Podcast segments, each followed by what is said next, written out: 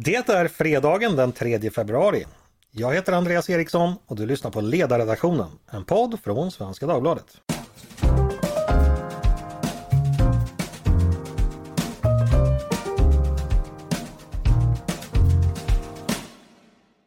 Varmt välkomna hörni! Det har äntligen, äntligen, äntligen blivit februari. Oxveckornas middagstid är passerad och ljuset återkommer med några minuter varje dag. I morse gick solen upp redan 07.53 och Paxatoni Fell har varit ute och vänt sig. Tyvärr såg vårt, vårt murveldjurvän ingen skugga, vilket då som alla som har sett filmen Groundhog Day vet betyder Six more weeks of winter. Men Phil har ett ganska dåligt record i sina förutsägelser. Han har faktiskt bara haft rätt 40% av gångerna, vilket då i och med att det är en ganska binär förutsägelse är då sämre än slumpen. Så jag antar att vi ändå kan hoppas. För övrigt vet jag inte om Phil kan förutsäga vädret utanför Pennsylvania. Förutsäga väder kan heller inte vi göra. Trots att vi är en ledarredaktion där en stor del av jobbet handlar om djupsinnade prognoser och lärda antaganden. Men vad vi kan göra det är att säga vad vi tycker och vi tycker alltid något. Och de som ska tycka just idag är ett sällan skådat destillat av obundet moderat tankekraft och persona, nämligen Peter Wennblad, Mattias Svensson och Maria Ludvigsson. Varmt välkomna alla tre! Tack, tack! Tack så hemskt mycket! Peter, hur är läget på din front? Det har varit lite förkylt i veckan men eh, jag, det börjar arta sig. Mm. Men jag kanske kommer snörvla lite. Februari, är det den vackraste månaden på Gotland? Februari det är eh, årets blindtarm. Det är, det är en helt, onö, helt onödiga 28 dagar. Vi ska återkomma till februari och antalet dagar sen faktiskt. Eh, Mia, hur mår du? Mm, tack, jag mår bra. Ursäkta att det knastrar lite här. Jag äter på en god bit. Mm, det är ju fredag. Det, det, ska man unna sig på fredagar tycker jag. Eh, ja. Mattias, hur är det med dig? Eh, jo då, efter omständigheterna, det blev en tidig morgon på grund av att jag tog mig in till en tv-studio. Mm. Så jag börjar känna hunnit... det så här på eftermiddagen nu. Vi har redan hunnit få mejl om saken. Eh, vad sa du i tv? Eh, ja, enligt de som mejlade så sa jag att folk borde knarka och gärna på arbetstid. Men eh, det är inte riktigt med sanningen överensstämmande. Även om jag känner att jag skulle behöva något uppiggande så här dags så får det duga gott med kaffe. Men jag vill knarka som Agnes sa, eller Elin kanske var. Eh, Elin, ja, Elin var det. Va? Elin var det. Jag vill knarka! Ja, så sa eh, exakt. Betoningen. Du, du får väl ta vad på våren istället, Alvedon och folköl eller något sånt där. Nej absolut inte, vi rekommenderar inte våra lyssnare att äh, ta det. Men Mattias, uttryckte du det så vagt så att äh, det där med att jag vill ha en kopp kaffe blev till att alla borde knarka? Eller hur, hur, hur, hur kunde du bli så vantolkad? Eh, nej, men det är ju så att det finns, eh, det finns en begåvningsutmaning i det här landet efter, efter 40 år av Bejerotsk propaganda. Eh, mm. Folk kan inte skilja på reglerad, kontrollerad försäljning och eh, eh, en uppmaning att alla borde använda droger hela tiden. Eller folk som blir arga och hör av sig kan inte det. De allra flesta kan ju det numera trots allt. Mm, men du, eh, tv i morse och jag har hört ryktas om att det blir radio i, ikväll. Är det sant? Ja, det ryktet kan vi väl bekräfta. Mm, vad handlar det om då? Eh, ja, det kan väl du säga. Jag och Mattias kommer eh, ikväll, det visst var det ikväll det skulle sändas, eh, medverka ja. i programmet Annika, eh, eh land, Landskampen. Heter, det. heter det. Ett tävlingsprogram där vi representerar eh, Svenska Dagbladets ledarredaktion och eh, gjorde vi med det med den äran Mattias eller gjorde vi bort oss? Eh, det får väl i vanlig ordning var och en bedöma själva efter lyssning. Precis, vi ska inte avslöja någonting här men vi kan passa på att göra lite reklam. Lyssna gärna på mig och Mattias och våra insatser i landskampen ikväll. Fredag. Ja, ni har ju redan betalt för det. Precis, och det kan ni inte göra så mycket åt. Land, landskampen, B-kändisarnas motsvarighet På spåret. Exakt. Vad elakt. Eller det kanske är eh. inkörsporten.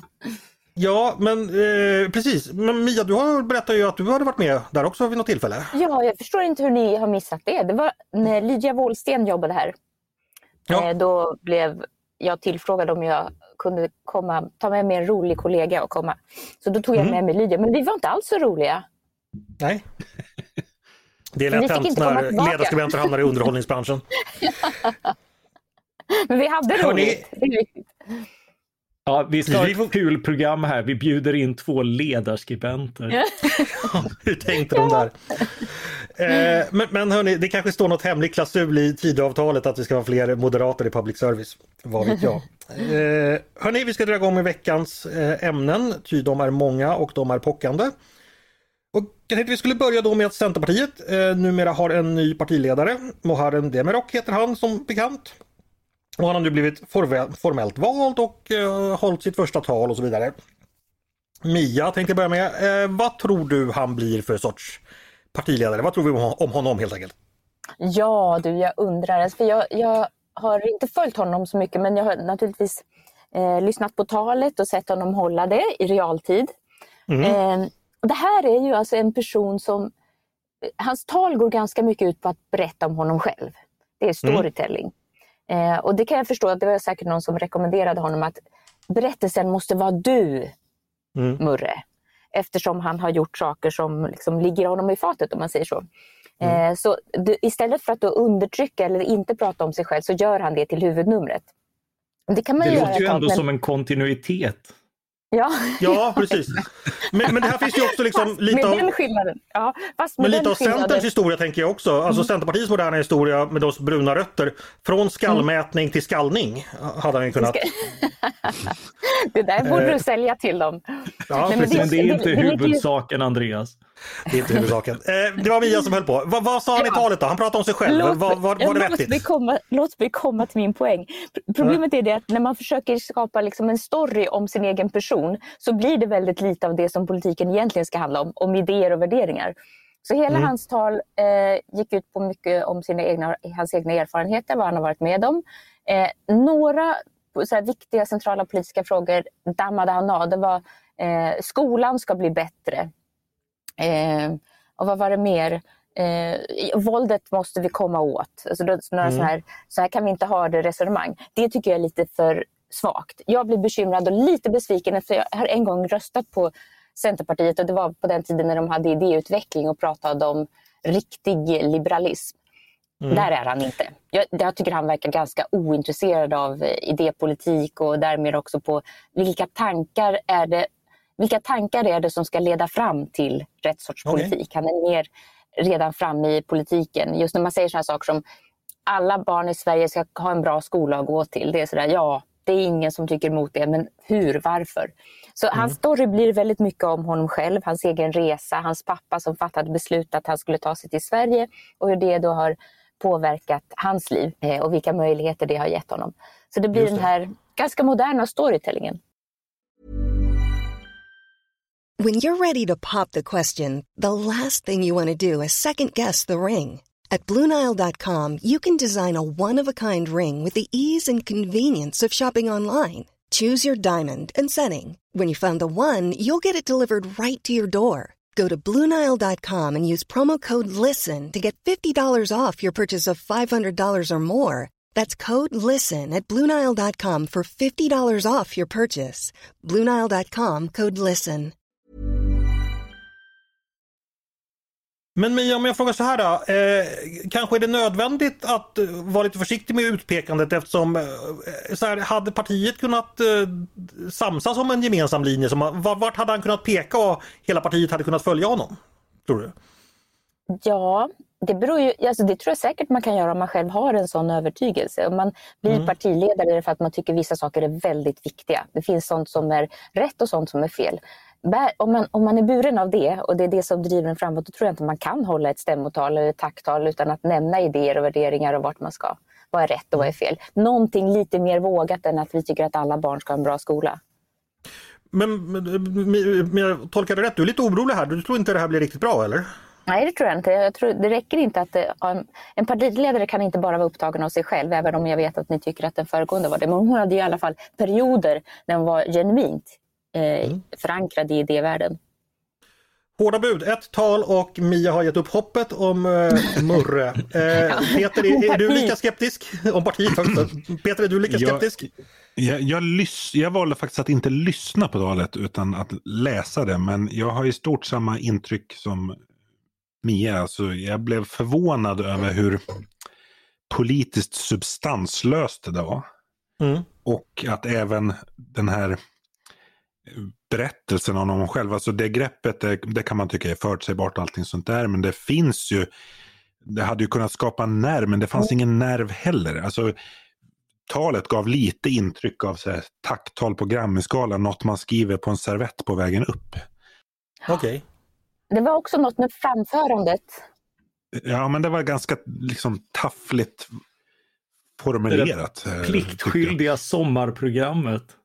Ja, men... Ja, men det. Och liksom en, väldigt do, liksom, total frånvaro av all form av gestaltning. Liksom. Utan han bara pratade om hur viktigt allting var och hur roligt det skulle, vara, skulle bli. Och hur, men och nu liksom, han lyckades, Ja, men han lyckades inte att gestalta det. Det blev bara ord, ord, ordmoln.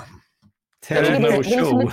Det är också ett uttryck för hur politiken är just nu, eller har varit de senaste åren, att det är, det är väldigt idéfattigt. Och det är väldigt fattigt på övertygelse om rätt och fel snarare än övertygelse om att jag har rätt och jaget har rätt att synas. Mycket, ja, många jag tycker snarare problemet är att det var både idélöst och substanslöst. Alltså man kan ju vara en pragmatiskt inriktad ja. politiker ja. som, är liksom, som är väldigt duktig på policy och liksom kommer med mm. så konkreta förslag. Men det fanns inte det heller utan det framstod lite som ja, men ungefär, ni vet som det lokala valmanifestet från Centerpartiet i Allingsås. Liksom, när det liksom bara är så massa ord om hur, hur, hur viktigt allting är. Och just det, alla barn ska ha en bra utbildning. Bara, no shit. Mm. Får vi bara släppa in Mattias här också, för nu har vi haft två stycken som varit föga imponerade. Mattias, är, är du lika skeptisk? Ja, jag lyssnade ju på den här presskonferensen där han, eh, där han lanserades och, och, redan där var han ju så, så tråkig att alla stod och tittade runt omkring eh, förtvivlat eh, åt andra håll och sådär. Liksom. Så, eh, det, det, var en rätt talande bild som jag valde att illustrera med. Så, eh, även där är det ju samma intryck. Det, det är liksom väldigt mycket oantastligt goda avsikter och ingenting om hur man ska ta sig dit. Så, men, men hela den här processen har ju stämpeln övergångslösning exakt, på sig. Exakt. Eh, så han ska ju bara sitta av tills det förhoppningsvis inte gått allt för illa och sen kan, eh, kan någon ny ta, ta över. Ja, jag, jag, ville kanske inte sätta pressen på Emil att, att komma tillbaka och rädda för jag jo. tycker han ska växa till sig först. Men, eh, men eh, frågan är om Centern har råd att vänta. Men eh, det låter som eh, Muharrem Demirok har en viss uppförsbacke för att eh, få kunna imponera på Svenska Dagbladets ledarredaktion. Eh, en sak som han, ett litet besked har han i alla fall gett, det är ju då att eh, han är beredd att göra uppgörelser med regeringen och, och Sverigedemokraterna. Dock med det intressanta förbehållet, då måste, eh, måste Socialdemokraterna också vara med. Eh, ja. Bia, vad, vad, vad tänkte ja, han här? Ja men exakt, för det var väldigt tydligt att vi måste ha med våra kompisar i sådana fall och det är väl ett sätt att visa att eh, han vill inte bli den centerledare efter Annie Lööf som säger ja vi gör upp med Sverigedemokraterna. Men han kan tänka sig ja. göra det om man gör det allihopa, om alla är med. Därför då finns det ingen anledning att att hålla SD utanför. Då är ju alla med. Om vi får hålla tycker... Socialdemokraterna i handen så kan ja, vi gå in. Ja, men, men, men varför tycker en liberal... Varför tycker en liberal politiker... Liberal. Nej, det, han påstår just det att en liberal politiker att överenskommelsen blir bättre med ett socialdemokratiskt inslag. Det kan de ju förstås bli, men liksom att det måste vara så. Det, det, att det var inte den politiska saken som det hängde ihop. Liksom, Nej, men alltså, vi, kan förklara krig mot, vi kan förklara krig mot Bulgarien bara Socialdemokraterna är med. Men, liksom, alltså, det, är, Nej, men det är också ja, det märkligt. Makt, det är maktperspektivet. Alltså, det kan inte bli en överenskommelse om inte sossarna är med för de är störst. Mm, eh, och då okay. utgår han just ifrån eh, spelet och inte från vad är det som är viktigt att få igenom. Vad, skulle, vad är det vi skulle göra överenskommelser om? Mm. Och därmed så blir det väl så att det är ju det som har varit social, eller Centerns problem hela tiden att mm. man har ju sagt att även ifall Sverigedemokraterna vill genomföra Centerpartiets partiprogram så kan man inte genom, samarbeta med dem. Eh, och ja, det är där nu vill de sägas, inte det, men Nej, nej precis, men, men, men, men princip har vi sagt det. Nu kan Sverigedemokraterna få genomföra Centerpartiets partiprogram om Socialdemokraterna också får vara med och bestämma det. Exakt. Ja, då har vi en bred mitt. Ja. Alla är med. Ja, vi får väl se hur, hur det går för Demirok ifall han kan övertyga eh, de tre skeptiska i panelen. Vi ska väl säga några ord om hans eh, företrädare också. Eh, Peter, hur blir Annie Lööf ihågkommen och hennes partiledarskap? Ja, jag sammanfattade ju hennes partiledarskap på Twitter med att hennes mål var att göra Centern till Sveriges största borgerliga parti. Men istället gjorde hon det till Sveriges minsta socialdemokratiska parti. Jag tror att det är ungefär så, så hon kommer bli ihågkommen. Hon säger själv så här, nu ska jag citera henne. Jag vill bli ihågkommen för att jag höll SD utanför makten. Eh, nu är det en liten strid om det politiska minnet men jag tror snarare att hon kommer bli ihågkommen som den som i det längsta höll kvar vid det tankesätt som fick Sverigedemokraterna att växa. Eh, men, men det kan man ju strida om. Eller vad, vad tror du Mia om den aspekten? Hur, hur, hur mm. minns vi Annie Lööf? Ja exakt, det beror nog på hur många år senare man pratar om det. Men det är klart, alltså hon kommer ju bli ihågkommen som den mest envisa, tjurskalliga eh, eh, maktspelaren från den här konstiga tiden. Mm. Hon är ju en viktig person. Sen jag, jag skrev om hennes eh, historia lite grann, för jag, jag vill gärna få med att hon, är ju inte, hon har ju inte bara varit det där hon slutade nu, där hon liksom bara säger nej till borgerligheten, utan hon började ju som en tydlig liberal röst och när hon tog över efter Maud Olofsson då var det ganska spännande. Och de tog fram ett idéprogram och sånt. Så hon har ju, eh, hon har ju bidragit tycker jag med den sortens liberala idéer som behövs i svensk politik. Det har hon gjort inledningsvis. Så det tycker jag ska finnas med i berättelsen om henne. Mattias, vad, hur kommer du minnas Annie Lööf och hur tror du vi kommer minnas henne? Eh, jo, men det blir ju, jag menar, det är ju som hon säger, hon slutar som den som blev besatt vid ett, att vara emot ett annat parti. Eh, och, och, som fick politiken att handla helt om det. Eh, och, och, det var det har ju lett till allt det här personfixeringen, eh, att, man inte, att det inte handlar om policy och substans längre, eh, utan vem som lägger fram förslag och vem som man inte får fatta beslut om förslag ihop med. Eh, och, och det har, ju, det, har, det har ju på många sätt infantiliserat politiken och, och det är ju där Centern har hamnat. De har liksom brottat omkull sig själva med ett eget grepp. Eh, I, I det vällovliga syftet att, att vara emot ett parti som står för väldigt mycket av värderingar som, som går emot eh, såväl Centerns liberalism som, som dess, eh, dess andra värderingar. Men, men de glömde man ju helt bort. Eh, och man glömde bort att politik i slutändan handlar om att få få igenom sina faktiska förslag. Eh, och och eh, det, kan man, det måste man kunna göra ihop med, med andra oavsett om, vad man tycker om dem i övrigt. Nu kommer jag att tänka på en gammal Monty Python-sketch där eh, jag tror det är Graham Chapman som möter sig själv i brottning ja. och, och vinner över sig själv. ja, det, så blev det ju inte i det här fallet. framfördes bland annat i, jag tror man kan se den i Hollywood Ball-uppsättningen. Mm man kan väl säga så här om Annie Lööf var väl också så, så att eh, alla tyckte ju som henne en gång i tiden. Eh, så att om hon har fel idag då hade ju alla fel förut. Finns det någonting beundransvärt att ändå vara den som håller fast när alla andra ändrar sig?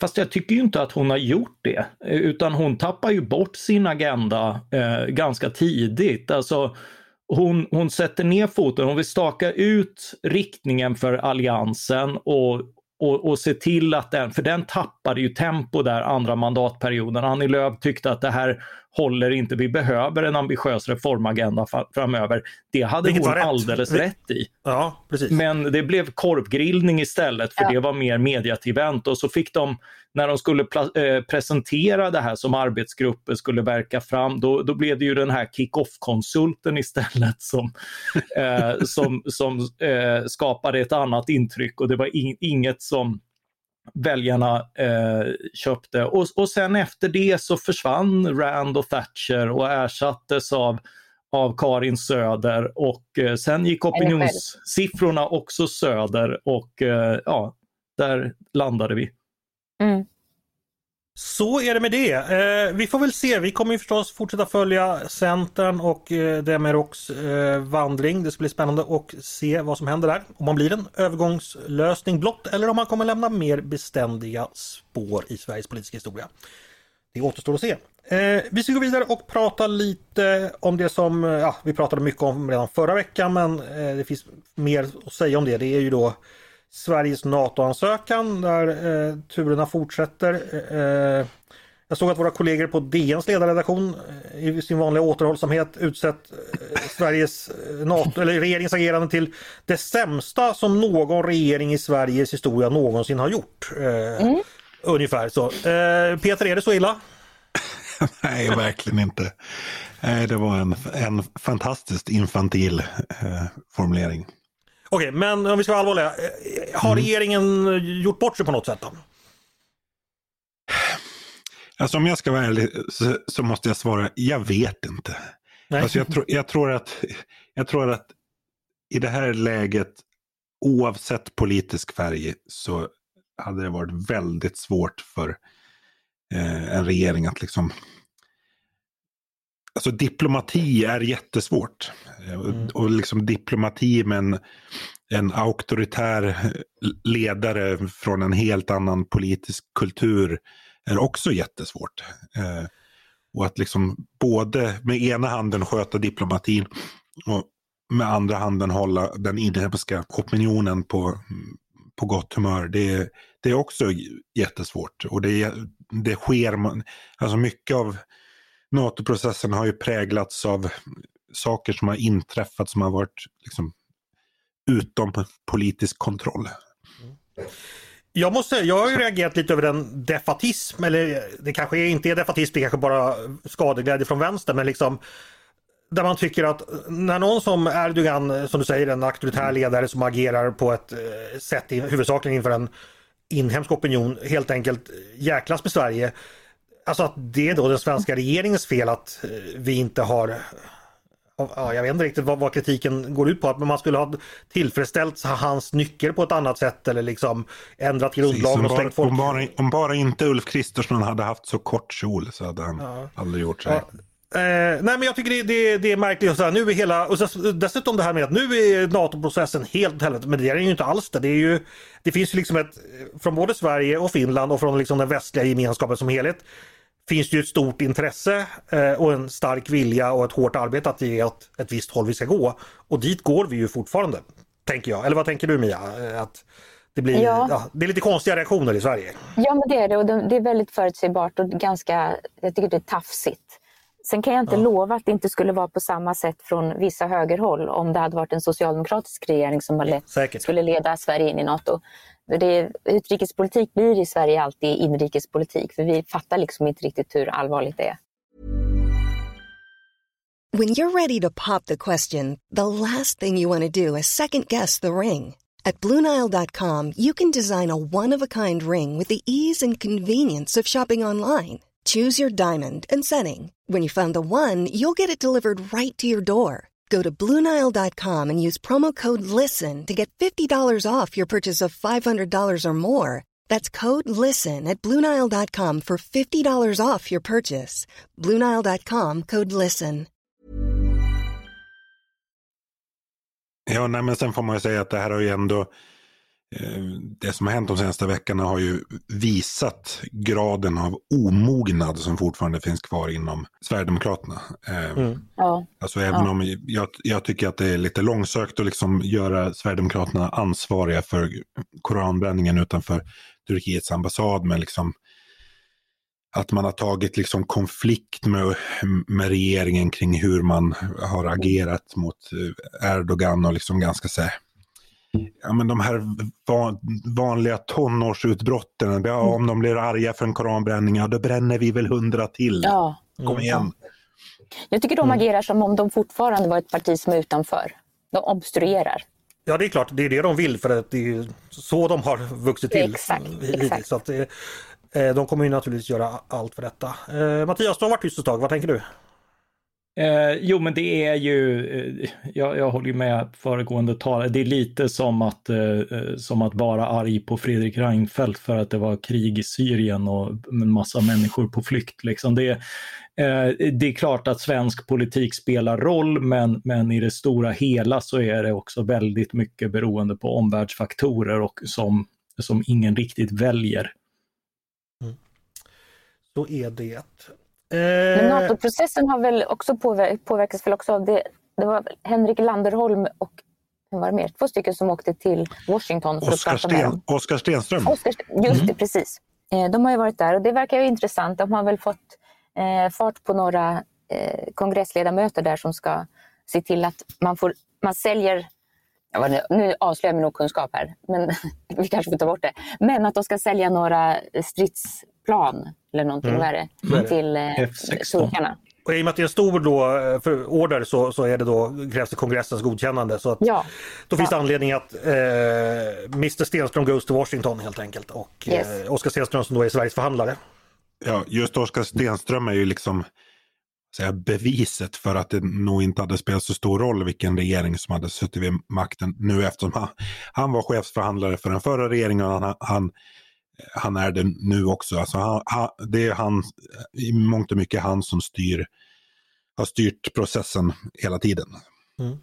Men vad som kan störa mig lite, det är möjligt att det är så här i alla länder, men jag känner, känner ibland att den svenska debatten Ibland är vi lite för mycket myrstack där vem som helst kan stoppa ner en pinne och vi kommer börja springa runt den på ett sätt som känns lite onödigt och det gäller samtliga inblandade. Att eh, vi är lite för påverksbara. Mm. Vi borde kanske ha lite ja. mer Is i magen har ju nämnts ofta i anslutning till just det här. Att ja, det, det är kul att, att, att, svensk politik numera är eh, hämtad från sökarna.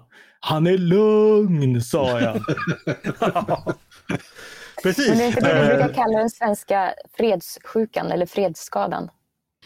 Ja fast jag vet inte om det är fredsskada här. Det är, bara, här är ju liksom bara en eh, mm. vilja att liksom eh, skärskåda sig själv och second guess vad vi själva gör och på ett sätt som inte är helt sunt. Alltså vi känns inte som vi är ett samhälle som är helt i balans med sig själv. Liksom. Det, det, är för lätt att reta upp oss mot varandra. Liksom, på något sätt, ja, det är ju bara att titta på alla, alla kvisslingar som nu börjar tycka liksom att eh, ja, men vore det inte bekvämt om vi kunde förbjuda allt eh, allt som störde den här processen och ja, sådär. Liksom, som, att, eh, som att det handlade om att vi ska, vi ska liksom eh, sätta folk i fängelse för att Turkiet vill det och, och, mm. och, och, för att få en bekväm och tyst tillvaro. Det är ju liksom samma människor som som liksom avskydde Karl Gerhard och, och Torgny Segerstedt och, och alla de här. Och det, det, det, ska vi komma ihåg, det var ju mycket av, av det svenska och sen skäms vi i efterhand för det och säger att så skulle aldrig jag göra. Nu, nu ser vi lite grann och vi har fått lackmuspapper på vilka, vilka det är som blir eh, ja, lägervakter och sånt i, i andra situationer. Eh, oh, men hårda ord, hårda ord. Ja, men med rätta alltså. Viker man ner sig så lätt i, ett, i ett, vad som ändå är ett rätt oträngt läge då, Eh, mm. Då blir det förstås bara värre så fort det kommer påtryckningar. Eh, mm. och, och, det är intressant och det ska man ta med sig från det här men i övrigt är det bara att ha is i magen och låta, låta förhandlingarna mm. ha sin gång. Och is i magen det kanske man får lite senare ikväll ifall man tar sig en grogg med, med is. Vi får se. Eh, hörni, vi ska fortsätta och då tänkte jag fortsätta med dig Mattias. Du har ju skrivit en text idag som jag tyckte var väldigt fin eh, som handlar om sociala medier eh, och då rubbar den så här. Twitter gjorde mig klokare och snällare. Eh, vi som kände dig innan 2008 när du, när du eh, när du skaffade Twitter vet att det inte är sant för din klokhet och snällhet då gick inte att komparera, den var redan absolut. Men du känner dig uppenbarligen eh, eh, triggad. Vad, vad har Twitter gett dig? Och varför vill du berätta om det? Eh, jo, men det är lite grann, eh, det, har, det har blivit, ett, ett tag var ju Twitter, vi kommer ju ihåg i början, dels, eh, eller det gör kanske inte alla, men, men för att rekapitulera för de som inte var med. Jag, jag fick häromdagen meddelande om att jag har varit där i, i 14 år och jag tänkte lite grann, var, varför är man det i 14 år? Eh, och Eh, och fortsättningen blir, ja, har jag slösat så mycket tid och sådär. Men det, det, började ju liksom som ett kuddrum för, för journalister och eh, kritiken då var ju lite grann att alla är så överens och alla bara bekräftar varandra och sådär liksom. Mm. Eh, och sen blev det väldigt polariserat. Eh, kulturkriget drev in. Eh, men hela tiden här så tycker jag att det har, det har utvecklats, det har gått att föra samtal, det har gått att sprida artiklar, det har gått att få tips och intressant. Ja, det är personfixerat, men det är personer som delar med sig väldigt generöst av allt från, från forskning och, eh, och intressanta eh, artiklar till nyhetsflödet till eh, till liksom vardagsfunderingar och bilder på söta djur.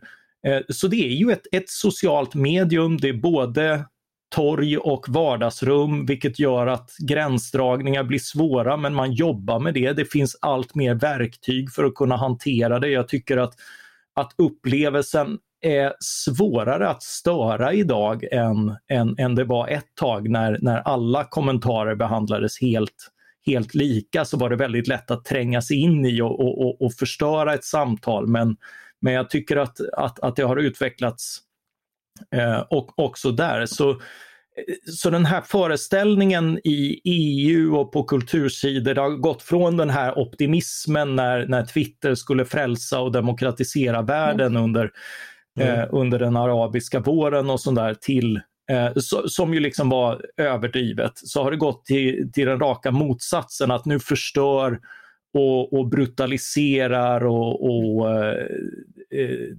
odemokratiserar Twitter samtalet och sådär. Och jag tycker att det är lika fel och farligt när man försöker eh, reglera utifrån en, en sån ansats, vilket är nu EU-kommissionens och andras eh, mm. ambitioner. Får, jag, får jag avbryta dig lite? Vi ska återkomma mm. till just den här regleringsgivningen. Jag tänkte bara vi ska prata lite kort om Twitter-upplevelsen. Jag tycker det är intressant som du säger och jag reflekterade lite när jag läste din text att jag tycker ändå Twitter är det av mitt sociala medier. Eh, jag använder ju bara boomer sociala medier som Instagram, Facebook och Twitter. Men Twitter är ändå mest lik sin ursprungliga del för att Instagram har förvandlats liksom till mig till någon sorts liksom Youtube-kanal för massa matlagning för det är det jag klickar på och då gör algoritmen att jag får fler och fler nudelkryddningar. Inget emot det för jag använder det nu bara för att improviseras. Men jag ser inte mina vänner särskilt ofta där längre. De kan ha fått barn eller gjort sin drömresa men jag ser lik förbannat bara fler nudelkryddningar. Eh, och Facebook har mest liksom blivit, jag får de mest häpnadsväckande förslag. Gå in och titta i gruppen Vi som bor i berg, bergdjungel eller något sånt. Alltså det är jättekonstiga saker. Så där får jag inte heller någon nytta. Jag ser ingenting av mina vänner där. Men Twitter är ändå, liksom, tycker jag, fortfarande har kvar den här de jag följer och de som följer mig är mig ganska nära och det finns fortfarande ett jag vet inte om ni har gjort den reflektionen mellan olika jag vet inte vilken grad ni, ni, ni följer det men Mia, jag vet inte hur mycket du twittrar och använder sociala medier men hur värderar du de olika? Ytterst lite. Ytterst, Ytterst lite. lite. Det är väldigt svårt för Twitter och det är, det är sådär, jag har inte den begåvningen, jag har inte den talangen. Jag, jag förmår det inte, jag tycker att det blir för... Okej, okay. använder du några andra sociala medier? Ja, ja telefon, ja, okay. Facebook eh, och sådär sms. Ja, okej, okay. men, men det, det, det, är socialt. Pre-boomer-grejer. ja, exakt. exakt. Eh, men, men det är inte, det är liksom inte, jag tycker inte att det är något som ska stängas eller sådär. Men det har också blivit tecken på... Det, det som jag tycker jag får mig till del via Twitter, det är sådär, det är inte det bästa i världen. Det är liksom inte, det är inte så att oh, alla har fått uh, möjlighet att uttrycka vad de tycker och argumentera för sin sak. Uh, och nu kan jag få ta del av det uh, och den här kvaliteten. Utan det är snarare att det, jag tycker det som det som kommer upp där är sånt som inte riktigt ger mig någonting. Och jag tycker också det är svårt att bemöta. Dels för att det är kort och så är det, det, alltså det är på en nivå som är Själva poängen är att man ska smälla till varandra så att man åker, far iväg. Det, det syftar inte mm. till att fördjupa eller göra en, ge någon en smart upplevelse. Får jag fråga, har du någonsin tyckt om Twitter eller har, det här Nej. varit ditt intryck hela tiden? Ah, ja. Okay. Då har du aldrig jag, började, jag gick med där när jag började på Svenska Dagbladet, det är snart 200 år sedan. Eh, och, ja. och då, då, ganska snabbt så var det så här, men jag hinner ju inte skriva någonting på detta. Och, ja. Intressant. Men då kanske inte Twitter passar din eh, alltså personlighet när det gäller helt enkelt kommunikation och uttryckssätt? Nej, jag behöver en scen, en mikrofon. Ja. Precis. Eh, vi ska bara fullborda rundan. Peter, dina intryck av olika sociala medier och Twitter specifikt. Vad, vad tänker du? Vad är dina erfarenheter? Ja, men jag, jag var ju väldigt passiv och väldigt lite inne på Twitter. Jag har faktiskt haft Twitterkonto ännu längre än Mattias tror jag. Men mm. jag har ju bara varit aktiv de senaste två åren sedan jag började på Svenska Dagbladet. Mm. Och jag måste erkänna att innan jag började så hade jag ungefär samma intryck av, av Twitter som eh, Mia. Alltså, grälsjukt och, och, och ganska destruktivt. Men mm. jag har faktiskt omprövat det. Alltså, jag tycker Twitter, det kan vara grälsjukt. Det är ofta grälsjukt och ganska destruktivt. Men, men det är också väldigt bildande och man har mycket intressanta diskussioner. Det gäller bara att kalibrera och slänga ut de här människorna som har som enda livsuppgift att liksom förgifta diskussioner. Eh, så min, min blockknapp går ganska, används ganska flitigt. Eh, inte, för att jag stå, in, för, inte för att jag inte står ut med att bli emotsagd utan för, för att jag inte liksom, står ut med, det handlar om min liksom, eget välmående. Alltså att jag står inte ut med vissa tonlägen. Liksom. Sen är jag kanske inte själv alltid den mildaste. Men... är det bra. Men är det inte också med det här mediumet, precis som med alla andra, att kvaliteten på det blir inte bättre än kvaliteten på personerna som är med där? Man kan liksom inte skapa men sen, det som, det som är speciellt med... ett intellektuellt samtal, utan det krävs intellektuellt hedliga personer för att det ska bli det.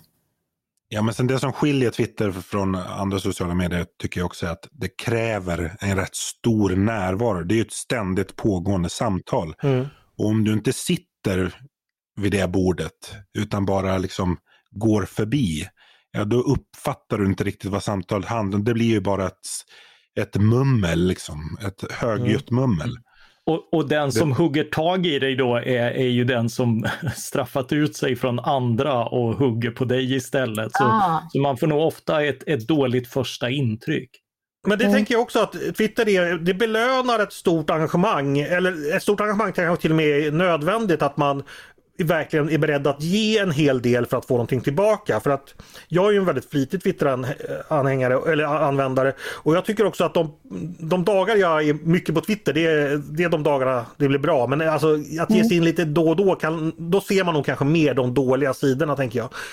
Då, bra, då har vi kollat lite upplevelser. Då ska Mattias få fortsätta. För du, som du antydde då så är det då reglering på gång. Eh, och som vanligt när det sker i Bryssel så har vi inte jättebra koll. Har, har du hunnit skaffa dig koll på vad det är som är på gång?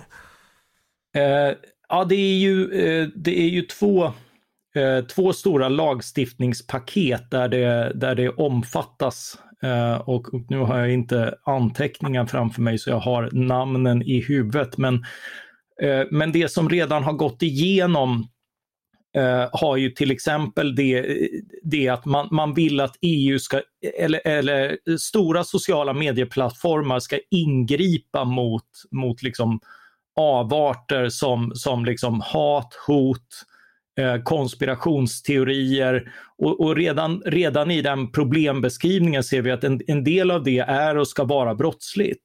Eh, annat är lagligt men kanske olämpligt.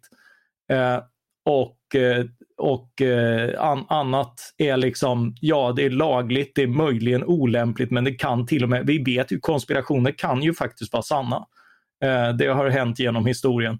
Eh, och, eh, och det har uppstått inte minst kring det här Twitter Files när man har sett hur, eh, hur eh, tidigare ledning, när Elon Musk tog över, så har han offentliggjort för ett antal journalister, ska vi veta, inte för allmänheten. Och de i sin tur eh, har fått titta igenom och offentliggöra vad de vad de hittat och sina intryck och sånt där. Eh, vilket ju och, också säkert, eh, alltså det, det, det, kan ju vara en vinklad bild det också, men, men det ger lite grann underlag till hur Twitter agerat tidigare. Och just den här politiska påtryckningen som har kommit från myndigheter och annat, att, att institutionalisera den eh, tenderar liksom, det, det gynnar ena partiet framför det andra, det, det blir godtyckligt, det blir snabba beslut. Under pandemin när det förstås var jätteviktigt att det blev rätt, så blev det fel just för att man aktivt undertryckte eh, kritiker och andra, inklusive kritiker som faktiskt, det visade sig, hade rätt eh, på olika punkter. Så, så det här med, just särskilt när man tycker att det är viktigt att diskussionen tar rätt riktning så är det också viktigt att den är så pass fri att, att kritiker kommer till tals, att, eh, att det inte blir den här eh, flockupplevelsen som, eh, som, är, som är rätt svår att undvika. Men här, Mattias, här känns det som vi måste hänga i och eh, läsa på och eh, skriva mer om det här. För det är, kanske inte är alla som är med på vad som händer.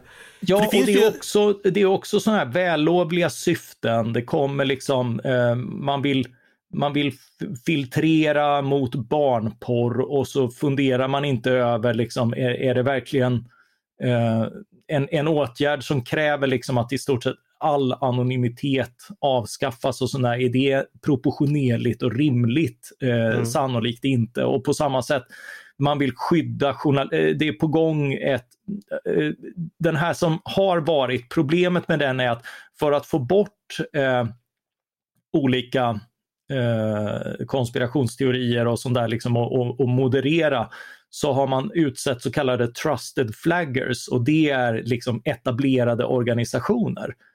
Mm. Eh, men det är ju inte säkert att etablerade och särskilt inte i Bryssel etablerade och vanligtvis statligt bidragsunderstödda organisationer är någon slags sanningsvittnen. Då blir det ju snarare så att man skapar en ekokammare för, för de redan inflytelserika.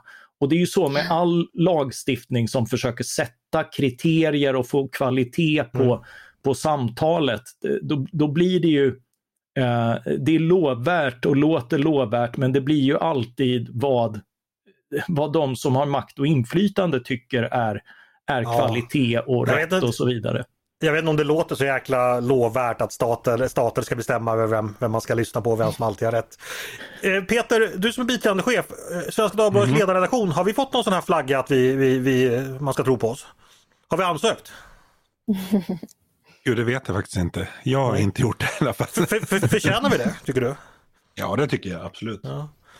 Eh, nej, men, och framförallt det här när man ska börja definiera vad som är journalistik och att journalister då ska ha lite företräde. Det är ju någonting som alltid brukar gå åt helsike när man gör det. För det fanns ju idéer tidigare om att eh, man skulle ha speciella, när man skulle få mediastöd skulle det vara då eh, ideologiskt godkända tidningar som skulle få det och inte andra och sådär. Det där är en väldigt, väldigt farlig väg. För antingen blir det så att staten då måste godkänna och sätta kvalitet, godkänt kvalitetsstämpel statlig på, på alla och det vill man kanske inte göra eller så får man börja exkludera enligt godtyckliga normer och då riskerar man, eller då kommer man att göra fel någonstans eh, och, eh, och eh, ja, helt enkelt ge sig in på ett område där staten inte ska, eller myndigheter inte ska finnas. Ni, ni vet väl att nu, nu kommer vi få mejl om att vi inte bara tycker att man ska kunna knarka på arbetstid, man ska kunna titta på barnporr också.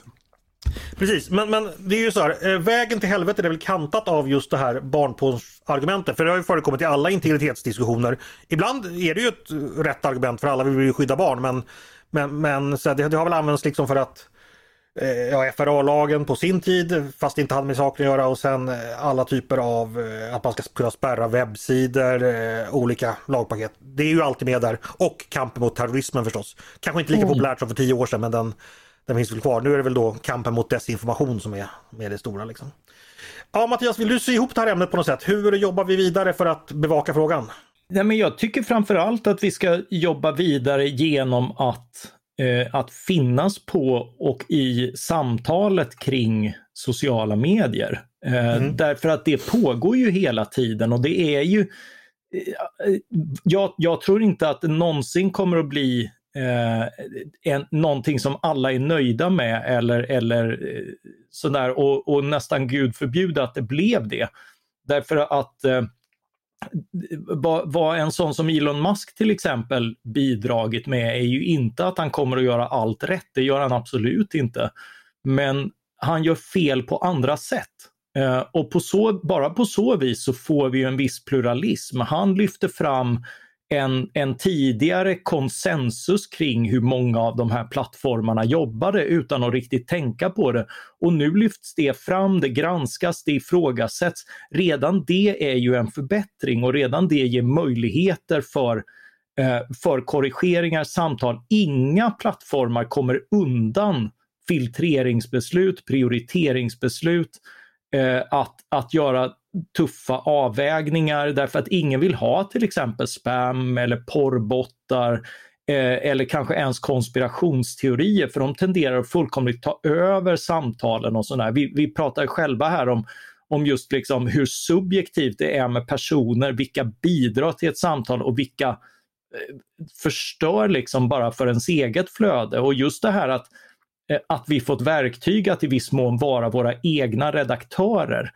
Eh, det, det är ju ett sätt att visa att ja, eh, de här möjligheterna finns men de kan byggas nerifrån snarare än att någon uppifrån sitter och bestämmer åt alla. Mm.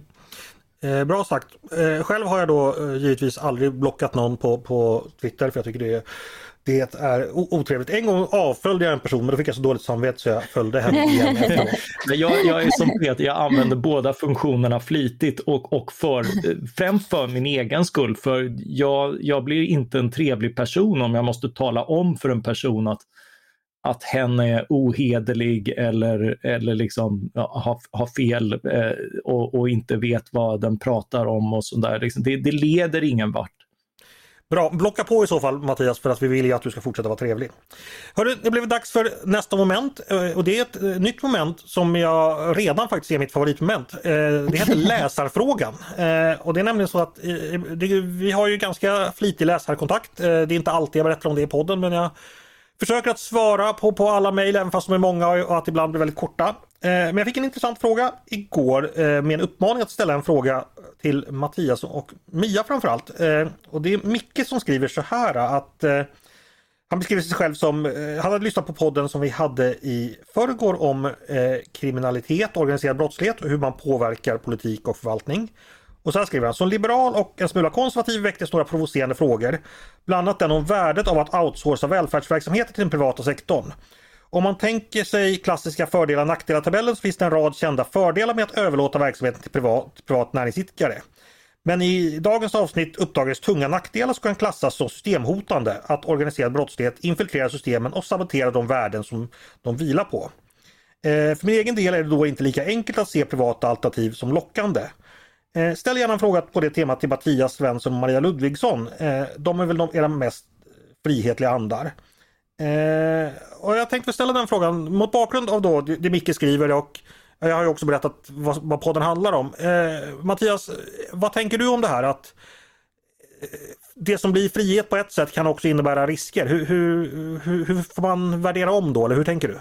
Eh, ja, absolut. Och det här är ju någonting som, som, vi, som vi redan har sett eh, och vet förekommer i, eh, i verksamhet. Eh, det var redan på allianstiden så försökte man ju Eh, med den vällovliga idén att, att vi, vi betalar en peng och så, och så kommer folk in och hjälper andra och lotsar dem in i samhället på olika sätt. Och det, och det låter ju jätte jättefint och var kanske värt att testa men det blev ju liksom en fullkomlig dröm för eh, kriminella, radikaliserade, oseriösa aktörer att, att ta över.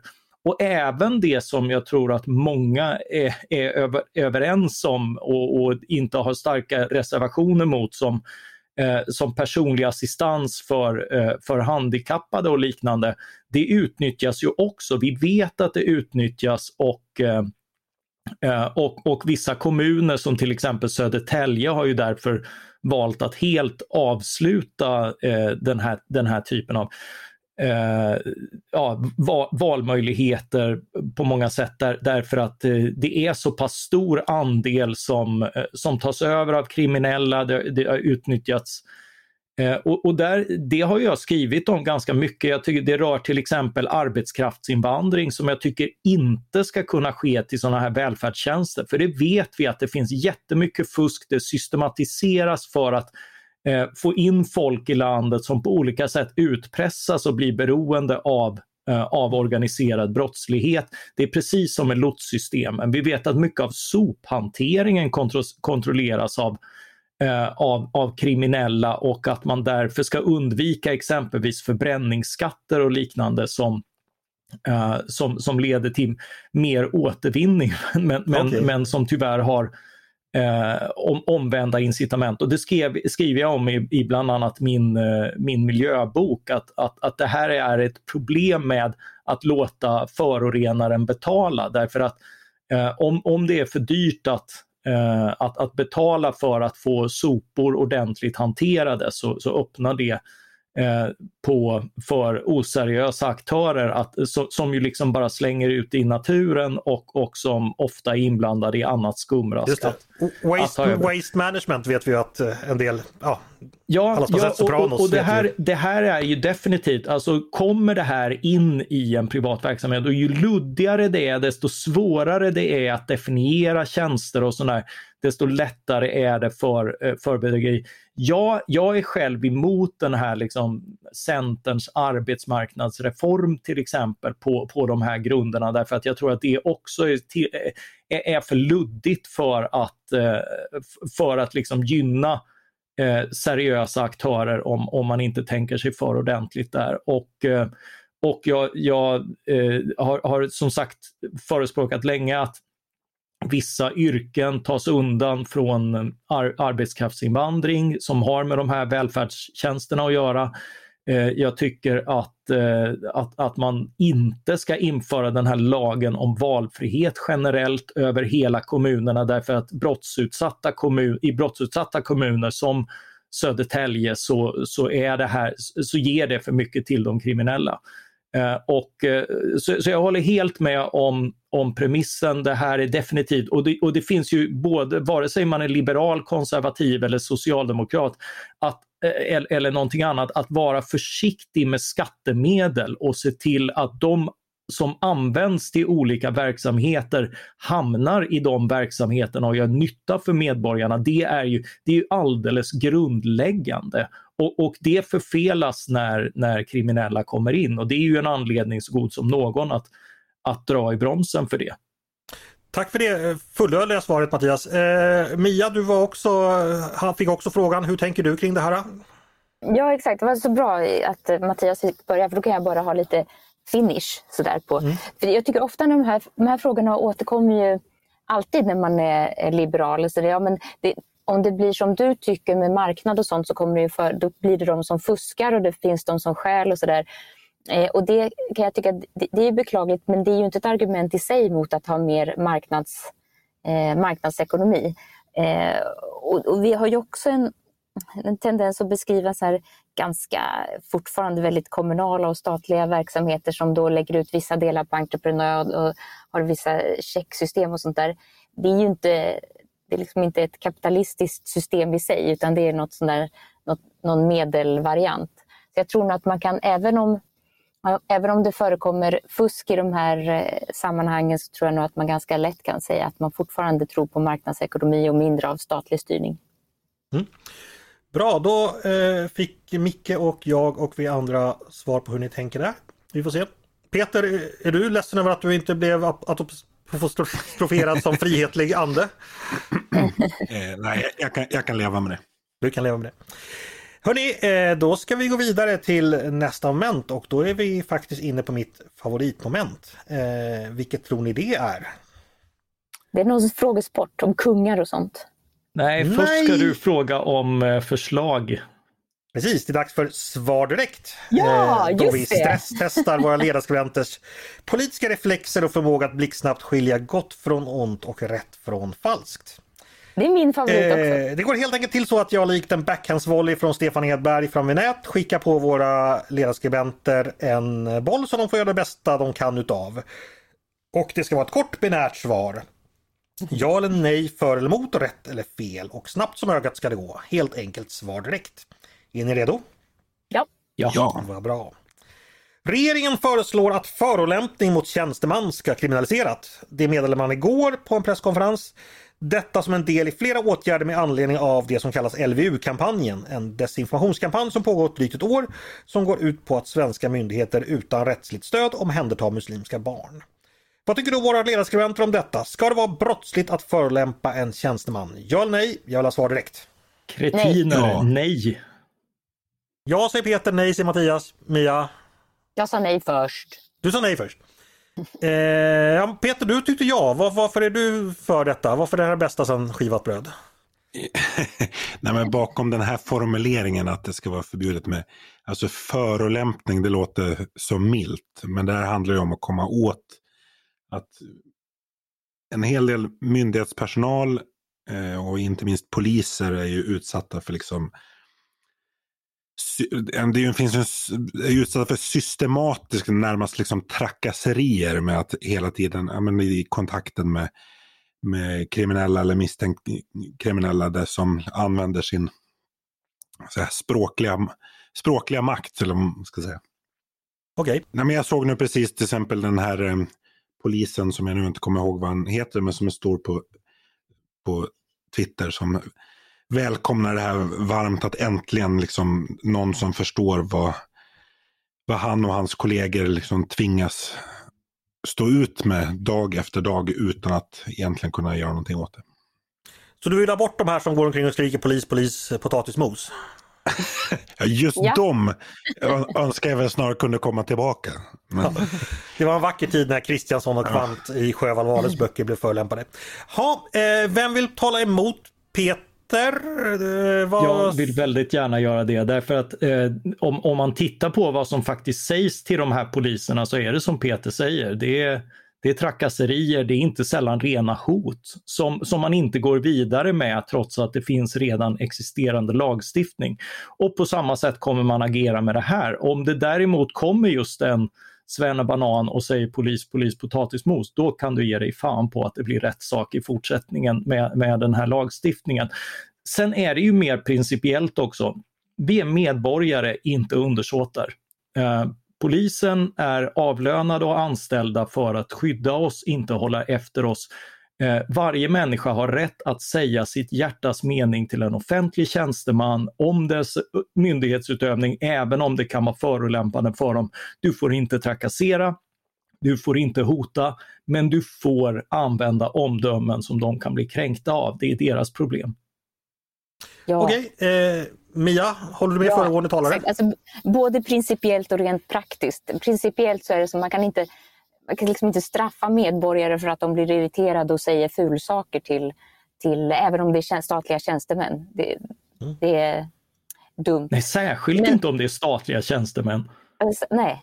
nej, men alltså bara denna tanke att det ska vara, finnas poliser då som går omkring och lyssnar på bötfällor eller på andra sätt tar hand om de som har använt fula ord Eh, men sen också rent praktiskt, jag tror inte att det skulle göra någon skillnad. Det, det, det, man vill försöka, det här när man alltid försöker med straff och genom att styra folket få dem att bli så som man själv vill, det funkar sällan. Ja, vad fint! Eh, det var inte så korta och binära svar, eller binära var de men de var inte så korta. Men då vet vi hur ni tänker där. Eh, då ska vi gå vidare med en lokal fråga. För att vi får inte försumma Stockholmspolitiken, vilket jag tycker vi ibland gör. Nu är det så att stadsdelarna Rinkeby-Kista och Spånga-Tensta ska, Tensta ska slås ihop. Det har fått liberalen John Jönsson att protestera. Han menar på Svenska Dagbladets debattsida att detta riskerar att leda till problem för socialtjänsten. Så här skriver han. Vid tidigare sammanslagningar av stadsdelar har socialtjänsten tappat strategisk personal. Det har inneburit oklarheter kring chefskap och rutiner som är oundvikliga vid stora omorganisationer och har vänt socialtjänstens fokus inåt mot den, nya organisationen, mot den egna organisationen i flera år. Socialdemokraterna däremot de svarar och menar att sammanslagningen är bra. I en replik skriver man bland annat Som en stadsdelsförvaltning blir Järva större och starkare och Järvaborna får en samlad röst. Eh, så vad tycker Svenska Dagbladets ledarredaktion? Är det bra eller dåligt att Rinkeby, Kista och Spånga Tensta slås samman till en enda stadsdel? Ja eller nej? Jag vill ha svar direkt. Hur ställde du frågan? Ja, jag tror också det är dåligt. Det är dåligt? Ja. Ja. Är det bra eller dåligt att man slår ihop dem? Var frågan. Dåligt. Dåligt. Dåligt. dåligt. Mia? Ja, men det är dåligt. För mig påminner det om de här gamla den här storkommunsreformerna. Det blir inte mm. bättre bara för att man slår ihop allting. Det blir bara längre ifrån eh, de det handlar om och de som sitter och bestämmer. Men det är svårt att se just principiellt ja eller nej. Jo, för det finns ju en principiell diskussion här angående hur stora enheter vi ska ha. Stadsdelarna mm. infördes i Stockholm för att Stockholm har ju en miljon invånare. Ja. Eh, och den, eh, snittkommunen har ju mycket, mycket mindre än så. Så därför delar man upp Stockholm i mindre delar just för att närheten skulle öka. Och nu går vi bort från det. Från början hade Stockholm eh, tror jag, 24 stadsdelar. Efter den här reformen kommer det vara nere i 10 eller 11. Eh, Peter, vad tänker du? Du är som gammal kommunpolitiker. Vad är den lämpliga storleken på kommunal förvaltning egentligen? Oj, jättebra fråga. Jag, jag, vet faktiskt inte. Jag tror just för själva förvaltningen är en, kanske inte spelar så jättestor roll utan det är väl ner på enhetsnivå, alltså hur stora skolor man ska ha. Och sånt där. Men, och jag kan inte de bakomliggande motiven till det här förslaget, men Jan Jönsson har ju rätt i att liksom organisationsförändringar i kommunala organisationer och även i privata tenderar ju att vända fokuset inåt och att det dessutom brukar bli så under rätt lång tid. Och det är mm. kanske inte riktigt det som de här utsatta områdena behöver i det här läget. Men jag tänkte på en annan sak också. Just när man ställer frågor om vad borde kommunen göra, ska den vara större eller mindre? Det, det liksom, då kommer man in sent i processen. Eh, vi som protesterar bör göra det långt tidigare än så. Alltså det är väldigt mycket som kommuner pysslar med som de inte borde syssla med. Eh, ja, precis, det kan man också säga. Eh, Mattias, vilken tycker du är den bästa storleken på en kommun? Nej, storleken spelar ingen roll. Eh, nej, jag, eh, eh, jag, jag, vet absolut inte, men, men jag har ett väldigt gott intryck av Jan Jönsson. Eh, jag, mm. jag, tycker han, han ger ett, eh, han, hans omdöme litar jag på i sådana här frågor. Det var fint sagt att vi uppskattar en, en folkpartist Mattias. Ja, det som dessutom betyder... ligger bakom ordet mellantvång och delvis därför. Han, han har ju länge varit förespråkare och en mycket, mycket insatt och kompetent sådan för tidiga insatser istället för, för att vara tuff när det är för sent. Eh, och, och det borde han ha fått gehör för tidigare men, men eh, det är en av de bra saker som regeringen nu pysslar med att, att implementera. Stockholm är som jag sa Sveriges största kommun med nästan en miljon invånare. Eh, vilken är Sveriges minsta och hur många invånare har den? Kan ni det? Både min, alltså minst, inte... inte... Ja, eh, färst invånare. Färst, exakt. Ja. Mm. Är det typ Dorotea eller något sånt där? Eller Abisko. Nej, tre, tredje minst. Mm. Det är Bjurholms kommun som bara ja, har 2004. Jag, jag, var faktiskt på väg att säga det. Men... Bjurholm? Ja. Men 2400 invånare, det är ju, det är ju inte mycket. Nej. Eh, hörni, vi ska ta en till eh, svar direkt innan vi går in på frågorna. Eh, den tredje för idag handlar om att SVT har kritiserats för att man släpper sin succéserie Händelsevatten i för långsam takt, bara ett avsnitt i veckan. Vilket fått många som är vana vid binge-tittande att bli otåliga. SVT själva försvarar sig i en debattartikel i DN Kultur och skriver så här. Det handlar främst om att väcka engagemang och diskussion. Mycket pekar på att upplevelsen av ett verk hos enskilda tittare och läsare djupnar om vi tar del av det bit för bit med tid att reflektera emellan. Så vad tycker vi om detta? Ett avsnitt i veckan, är det bra eller dåligt? Jag vill ha svar direkt. Dåligt. Bra. Bra. Bra. Jag tycker Peter, du var väldigt tydlig. Ja. ja. Men har inte vi fått ta ställning till den här frågan förut eller har jag diskuterat det i något annat sammanhang?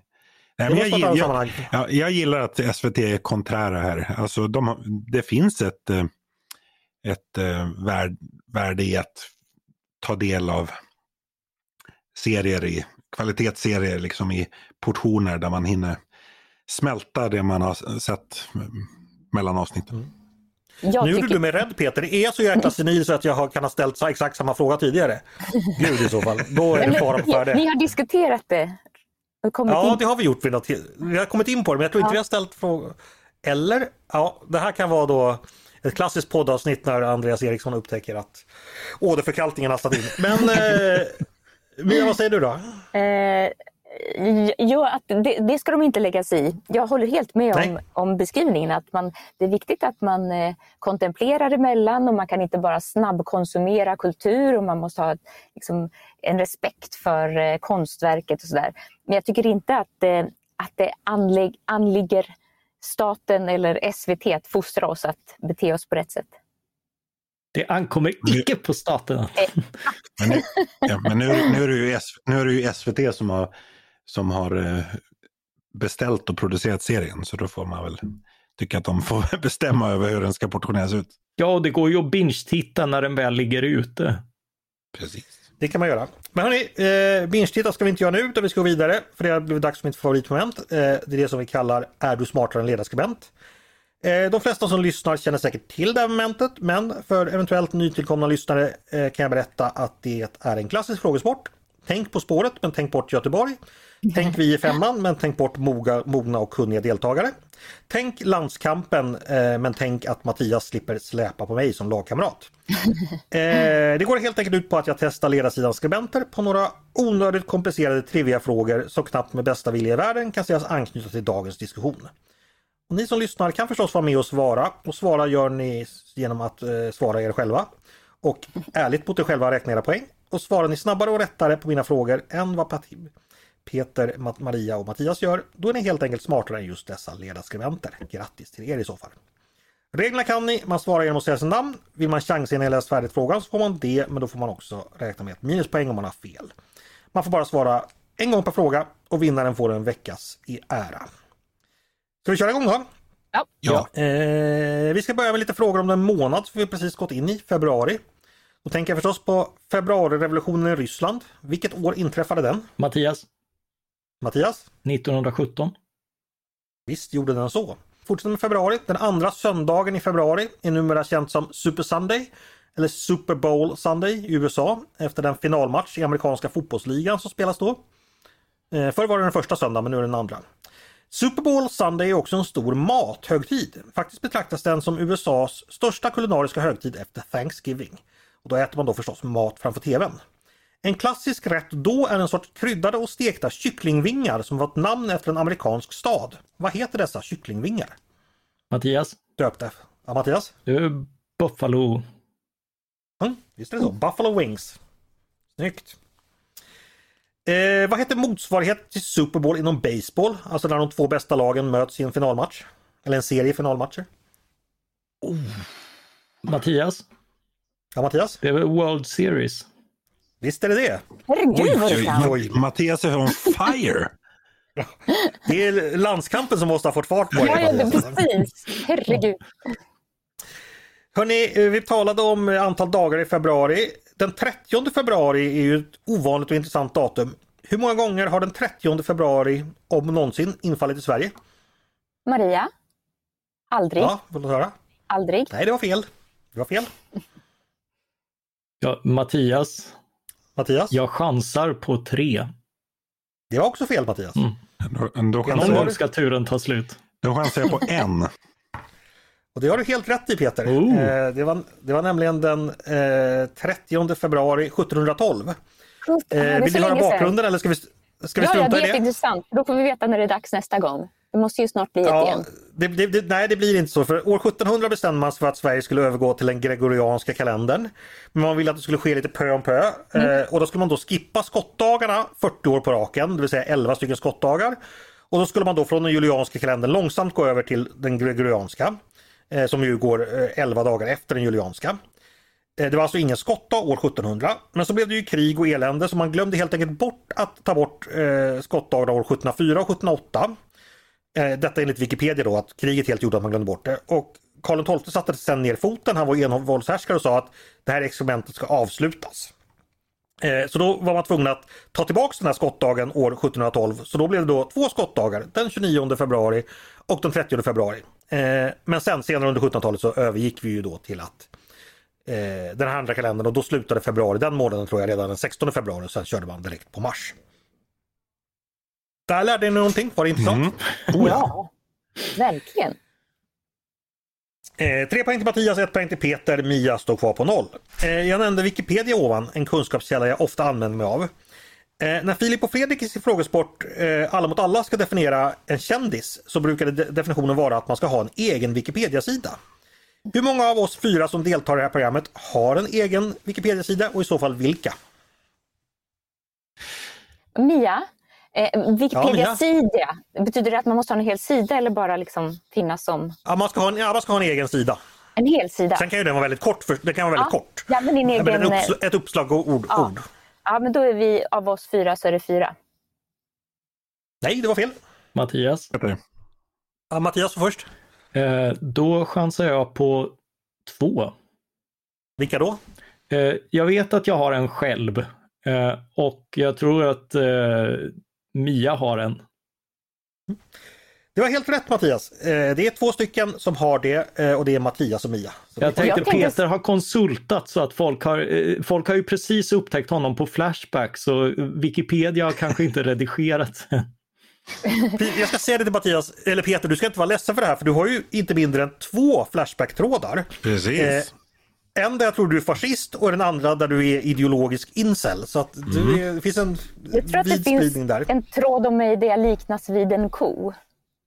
Ja. Och Och just jag, jag ska inte heller vara jag, jag ska den inte heller vara bilden där missbelåten de-. Den bilden där de visar mig, alltså bilden på mig och så kossan bredvid, så måste jag ge dem rätt. Okej. Flashback är alltid rätt. Eh, nej men jag är inte heller ledsen över avsaknad av Wikipedia-artikel för jag nämns ju också på Flashback. Det, det nämns något inlägg där att jag är sjukskriven från Timbro på grund av sinnessjukdom. Så att, så kan det gå. ja, så kan det gå. Eh, nej, vi får väl hoppas att någon där ute ger, eh, i alla fall Peter, du tycker jag eh, verkligen förtjänar en Wikipedia-sida snarast. Mig har du något, har du något att göra ikväll Andreas? Och, men Peter, om det dyker upp en nu här under helgen. Andreas har ju vara- redan fixat två Flashback-trådar. ja, eller hur? Eh, hörni, vi ska gå vidare. Eh, med hjälp av Wikipedia har jag identifierat några bemärkelsedagar idag. Eh, exempelvis att Per Eggers fyller 72 år.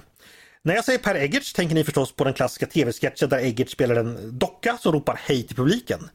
Men vem deltog också i sketchen i vars knä Mattias. Per Eggers satt? Mattias? Johannes Brost. Visst var det Johannes Brost? Jaha. Oj, oj, oj. Jaha. Du går fram som en ångvält idag. Eh, vi fortsätter med sketcher. Eh, en sådan är ju Monty Pythons klassiska med en papegoja. Vad kallas papegojan som figurerar i den klassiska Monty Python-sketchen? Mattias, Ja, det är väl en Norwegian Blue? visst är det en Norwegian Blue. eh, som jag inte tror på är på riktigt. Eh, en annan som fyller år idag det är Isabella Lövin som fyller 60 år, den tidigare ministern. Eh, kanske mest känd för att hon under flyktingkrisen 2015 grät av lycka när han, hon fick stänga gränserna. Eh, innan hon blev politiker var hon journalist och skrev som sådan 2007 en uppmärksammad bok. Eh, vad hette den? Den kanske ni har läst för den är Ja, både... jag, har, jag har Mm. faktiskt eh, läst den. Den heter ju någonting Den med, väldigt, upp, med havet. Men jag tänkte något med den blir väldigt fiskar. uppmärksammad. Ja, det är ju, handlar ju om fiske. men- Dött hav men- eller? Nej. Dött hav. Nej, det heter den inte. Det var ganska nära. Svart hav. Nej, men nu har du gissat nog. Nu får ni an, andra chansen. Ja, Ingen som... den Ja, men den, den heter jo. en tyst hav. Det gör den Mattias, den heter Tyst hav. Eh, Jag tänkte jag efter- såg precis bokryggen framför mig också. Hörde, Isabella Lövin blev eh, 2019 miljöminister. Vad hette hennes företrädare på posten som miljöminister? Mattias, Ja, det var väl Åsa Romson? det var det inte. Oh, Och nu, nu, nu sa jag helt fel angående Eli, Eli, Det var ju Åsa Romson som grät Ja. av glädje när hon Ja, fick stänga gränserna. Ja, Ja, hon grät. förlåt. Eh, förlåt. Eh, får vi antingen klippa det här eller får jag helt enkelt stå, med skammen över, över detta? Vi får se. Eh, företrädaren till Lövin som miljöminister.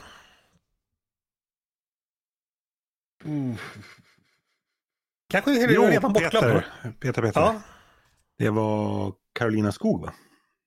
visst var det så. Också miljöpartist. Eh, jag nämnde då att... Eh, oj, den här frågan blir jättekonstig nu om vi ska klippa. Men jag nämnde felaktigt att Isabella Lövin var med och stängde gränserna. Det var hon ju inte, det var Åsa Romson. Eh, Hur mycket har antalet flyktingar till Sverige minskat sedan dess? Om man räknar från då oktober 2015 då det kom som mest till samma månad förra året. Jag söker alltså en procentsiffra här. Hur mycket an, an, antalet flyktingar har minskat. är det just flyktingar? Ja, Asylsökande? asyl, asylsökande, definierat som asylsökande. Jag kan säga att ni, kan, ni får rätt om ni är i, inom eh, rätt 5 intervall. 85 Mattias? procent. Ja, Mattias, vad säger du? Eh, ja, men jag tror att det är eh, Ja, det är nog, ja är det, ja 10 procent. Du tror det har minskat med 10% Nej, till 10 procent. Mm. Ja, det har minskat med 90 alltså? Ja. ja. Nej, det var fel. Någon fler som vill gissa? Ja, men då Jag säger jag, sagt eh, Peter. Peter säger, ja. säger 80 procent. Nej, det var också fel. Ja, Maria, Mia, vill du gissa? Ja. ja. Då har det minskat med 95 procent.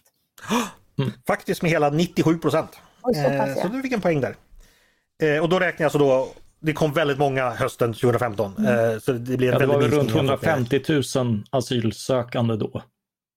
Ja, och det var 39 000 i oktober och det var då 1200 i oktober motsvarande månad förra året. Så det förstår man själv att det är mm. väldigt många. Eh, grattis till den första poängen idag Mia! Eh, en, tredje person som, ja, en tredje person som fyller år idag det är Arne Suktorf, filmregissören. Eller han, han skulle ha fyllt år men han är död. Han är idag bland annat känd för en revolver som stals från honom ibland har spekulerats varit ett vapen som användes för att mörda Olof Palme. Nu undrar jag om några andra kändisar som också har figurerat i samband med mordet på Olof Palme. Och jag kommer nämna ett namn på en känd person och så vill jag veta då av er i vilken roll personen, ja, personen vad, hur personen har att göra med Palmemordet helt enkelt. Och då börjar jag med Robert Gustafsson. Mattias. Ja, Mattias? Han var i biopubliken. Det var han. Och han gick till och med fram eh, till Palme och nuddade honom i smyg för att han hade något vad med någon kompis där. eh, Ted Gärdestad. Eh, eh, ja, Peter, jag vet alltså det gick ju något rykte om att han skulle vara inblandad, men det är för vagt svar förstår jag. Men... Nej, men det, det, det är okej. Det gick ett rykte om att han var den anhållna 33-åringen. som eh, då eh, så du får poäng för det. Som, som då satt anhållen som i själva verket heter något helt annat. Och för det finns faktiskt Viktor Gunnarsson. Som, ja, Viktor Gunnarsson heter han. Från dina hemtrakter väl Mattias? Ja, ja. eh, för det, det, var ju faktiskt ett vittne då, den eh, ganska kända eller ökända Sigge Cedergren som då mötte en person som sprang från mordplatsen som han sa var lik då just Ted Gärdestad. Och det gick tydligen, Ted tog tydligen illa vid sig om det här. Det ska sägas då också att han hade förstås fullgott alibi och befann sig faktiskt utomlands då. Men han tog illa vid sig av, mm. av detta då förstås att det här ryktet gick. Ytterligare en person då som figurerar i närheten av mordet på Olof Palme. Det är racerföraren Janne Flash Nilsson. Vilken roll spelar han? Mattias. Flashen. Ja, Mattias? Ja, eh, alltså eftersom, eftersom eh, jag har tur med chansningar så säger jag att han var vittne.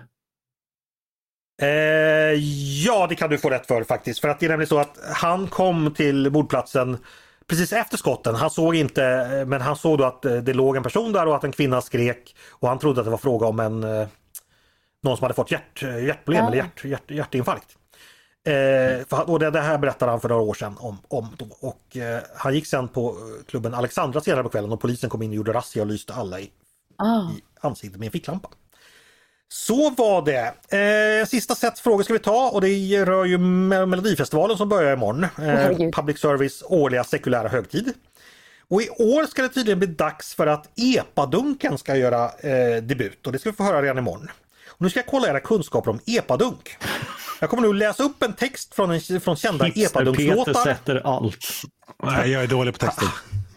Han kommer vägra svara för det kommer störa hans hiphets, hipsteraria. Alltså epadunk kommer... för mig är det den här eh, plastdunken som man har full sprit i. Ja, okej, okay. då får vi se hur det går. Jag kommer läsa upp en text och jag kommer avbryta och jag vill att ni ska fortsätta den texten när jag slutar. Förstår ni? Så, mm. inte vem det är alltså? Nej, Första låten är så här, jag tycker det är så kul att läsa så det blir ganska långa utdrag. Säg mig fuckboy, vem är det som leker mest? För jag kan se hur du vill ha mig. Raggare, ja de är alltid bäst. Rider dig som en... Peter. Maria. Vadå? Peter var först. Nej, jag var först. Peter hörde för... Ja, dalahäst. Det var helt rätt. Fröken Snusk var det. Ja, Precis. just det. Mm. Jag ska fortsätta med den. Eh, jag kan se att du vill ha mig, rid mig som en dalahäst. Jag kan faktiskt se dig när du super loss på Snapstoryn som en riktig boss. Jag vill ha dig i mitt umgänge i... Vadå? Alltså det är så dåligt. Jag vill ha dig i mitt umgänge i... Skumsängen. Skumsäng? Nej, det var inte det. Mattias. Mattias? Jag, jag säger könet. Nej, det var det inte heller. Det, är- det är inte Onkel Konkel. Peter, säger, Peter säger sängen då. Nej, jag vill ha dig i mitt umgänge i Bålänge. vad är det ord för? Ja, det vet jag inte. Vi fortsätter. Eh, då säger jag så här. Eh, banan, melon, kiwi och citron. De häller det i drinken och säger den är god. Banan, melon, kiwi och citron. Det enda som vi bryr oss om är att bli vad då för någonting? Mattias, Stor. Nej Mattias, vad, vad säger du? kanon. Ja, helt rätt. eh, jag fortsätter den. Vi var i Stockholm i en vecka, skulle ta en bläcka. Vi köpte samma t-shirt, trodde vi var fräcka. Vi googlade på spybar, vi hade ju fått vad då för något? Mattias, Mattias? det rimmar inte med en VIP-kort. Nej, det hade de inte fått. Mm, Någonting lite mer prosaiskt. Vi googlade på spybar, vi hade ju fått något som möjligtvis rimmar på spybar. Ja. Förnybar. Nej, eh, vi hade ju fått bidrag. Eh, så är det ju vet ni. Ja, om man rimmar på det så får man nog bidrag. Eh, en sista ska vi ta, för visst var det här roligt? Eh, hon, hon sa till sina polare att jag var känd, en levande legend. Hon skrev till mig på Snap och frågade Får jag komma hem till dig och dricka bubbel, äta snittar? Du har koppel, jag kan dansa runt en stång om du kan göra vad för någonting?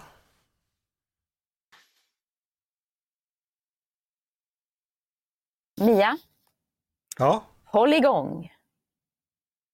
Nej, eh, det här är väl en typ av helgång, men det här är ett väldigt specifik sak man kan göra. Eh, som ja, nog, nog kan definieras som hålligång men det här, är, det här är väldigt svårt och långsökt faktiskt. Någon annan som vågar eh, Nej. Om du kan göra helikoptern. Det rimmar ju inte. Och det fick bli dagens sista fråga. Eh, och det här ledde ju Ja, till ja, men det Mattias. finns ju ministerkompetens på det området. Det finns det. Mattias, storseger för dig med 10 poäng. Grattis! Way, ja, det Snyggt. känns fint. Ja, imponerande. Mycket. Mycket imponerande. Eh, ja, då, det var allt jag hade att bjuda på idag. Eh, har ni någonting som ni tycker återstår säga, ska sägas? Nej, vi har väl Det är avhandlat det mesta. Ja, det är helt uttömda. Mycket tacksamma. Det var roligt. Ja, trevlig helg kanske. Det tycker jag vi ska säga. Ja, Eh, uppbygglig helg. Ja, trots denna väldigt, ja, den var ju inte så uppbygglig avslutning det här med epadunken men nu kan ni känna lite säkra på det. Ja, men det, Ja, det men gav stort ändå tack. viss helgkänsla. Ja, onekligen. Stort tack Peter, Mia och Mattias för att ni var med mig idag. Tack, tack. Yes. Och tack till er som har lyssnat också på Ledarredaktionen, en podd från Svenska Dagbladet. Ni är varmt välkomna att höra av er till redaktionen med tankar och synpunkter på det vi precis har diskuterat. Eller om det är så att ni har idéer och förslag på det vi ska ta upp i framtiden. Maila då oss på ledarsidan snabel-a svd.se. Dagens hårt prövade producent, han heter Jesper Sandström. Jag heter Andreas Eriksson och jag hoppas att vi hörs igen snart.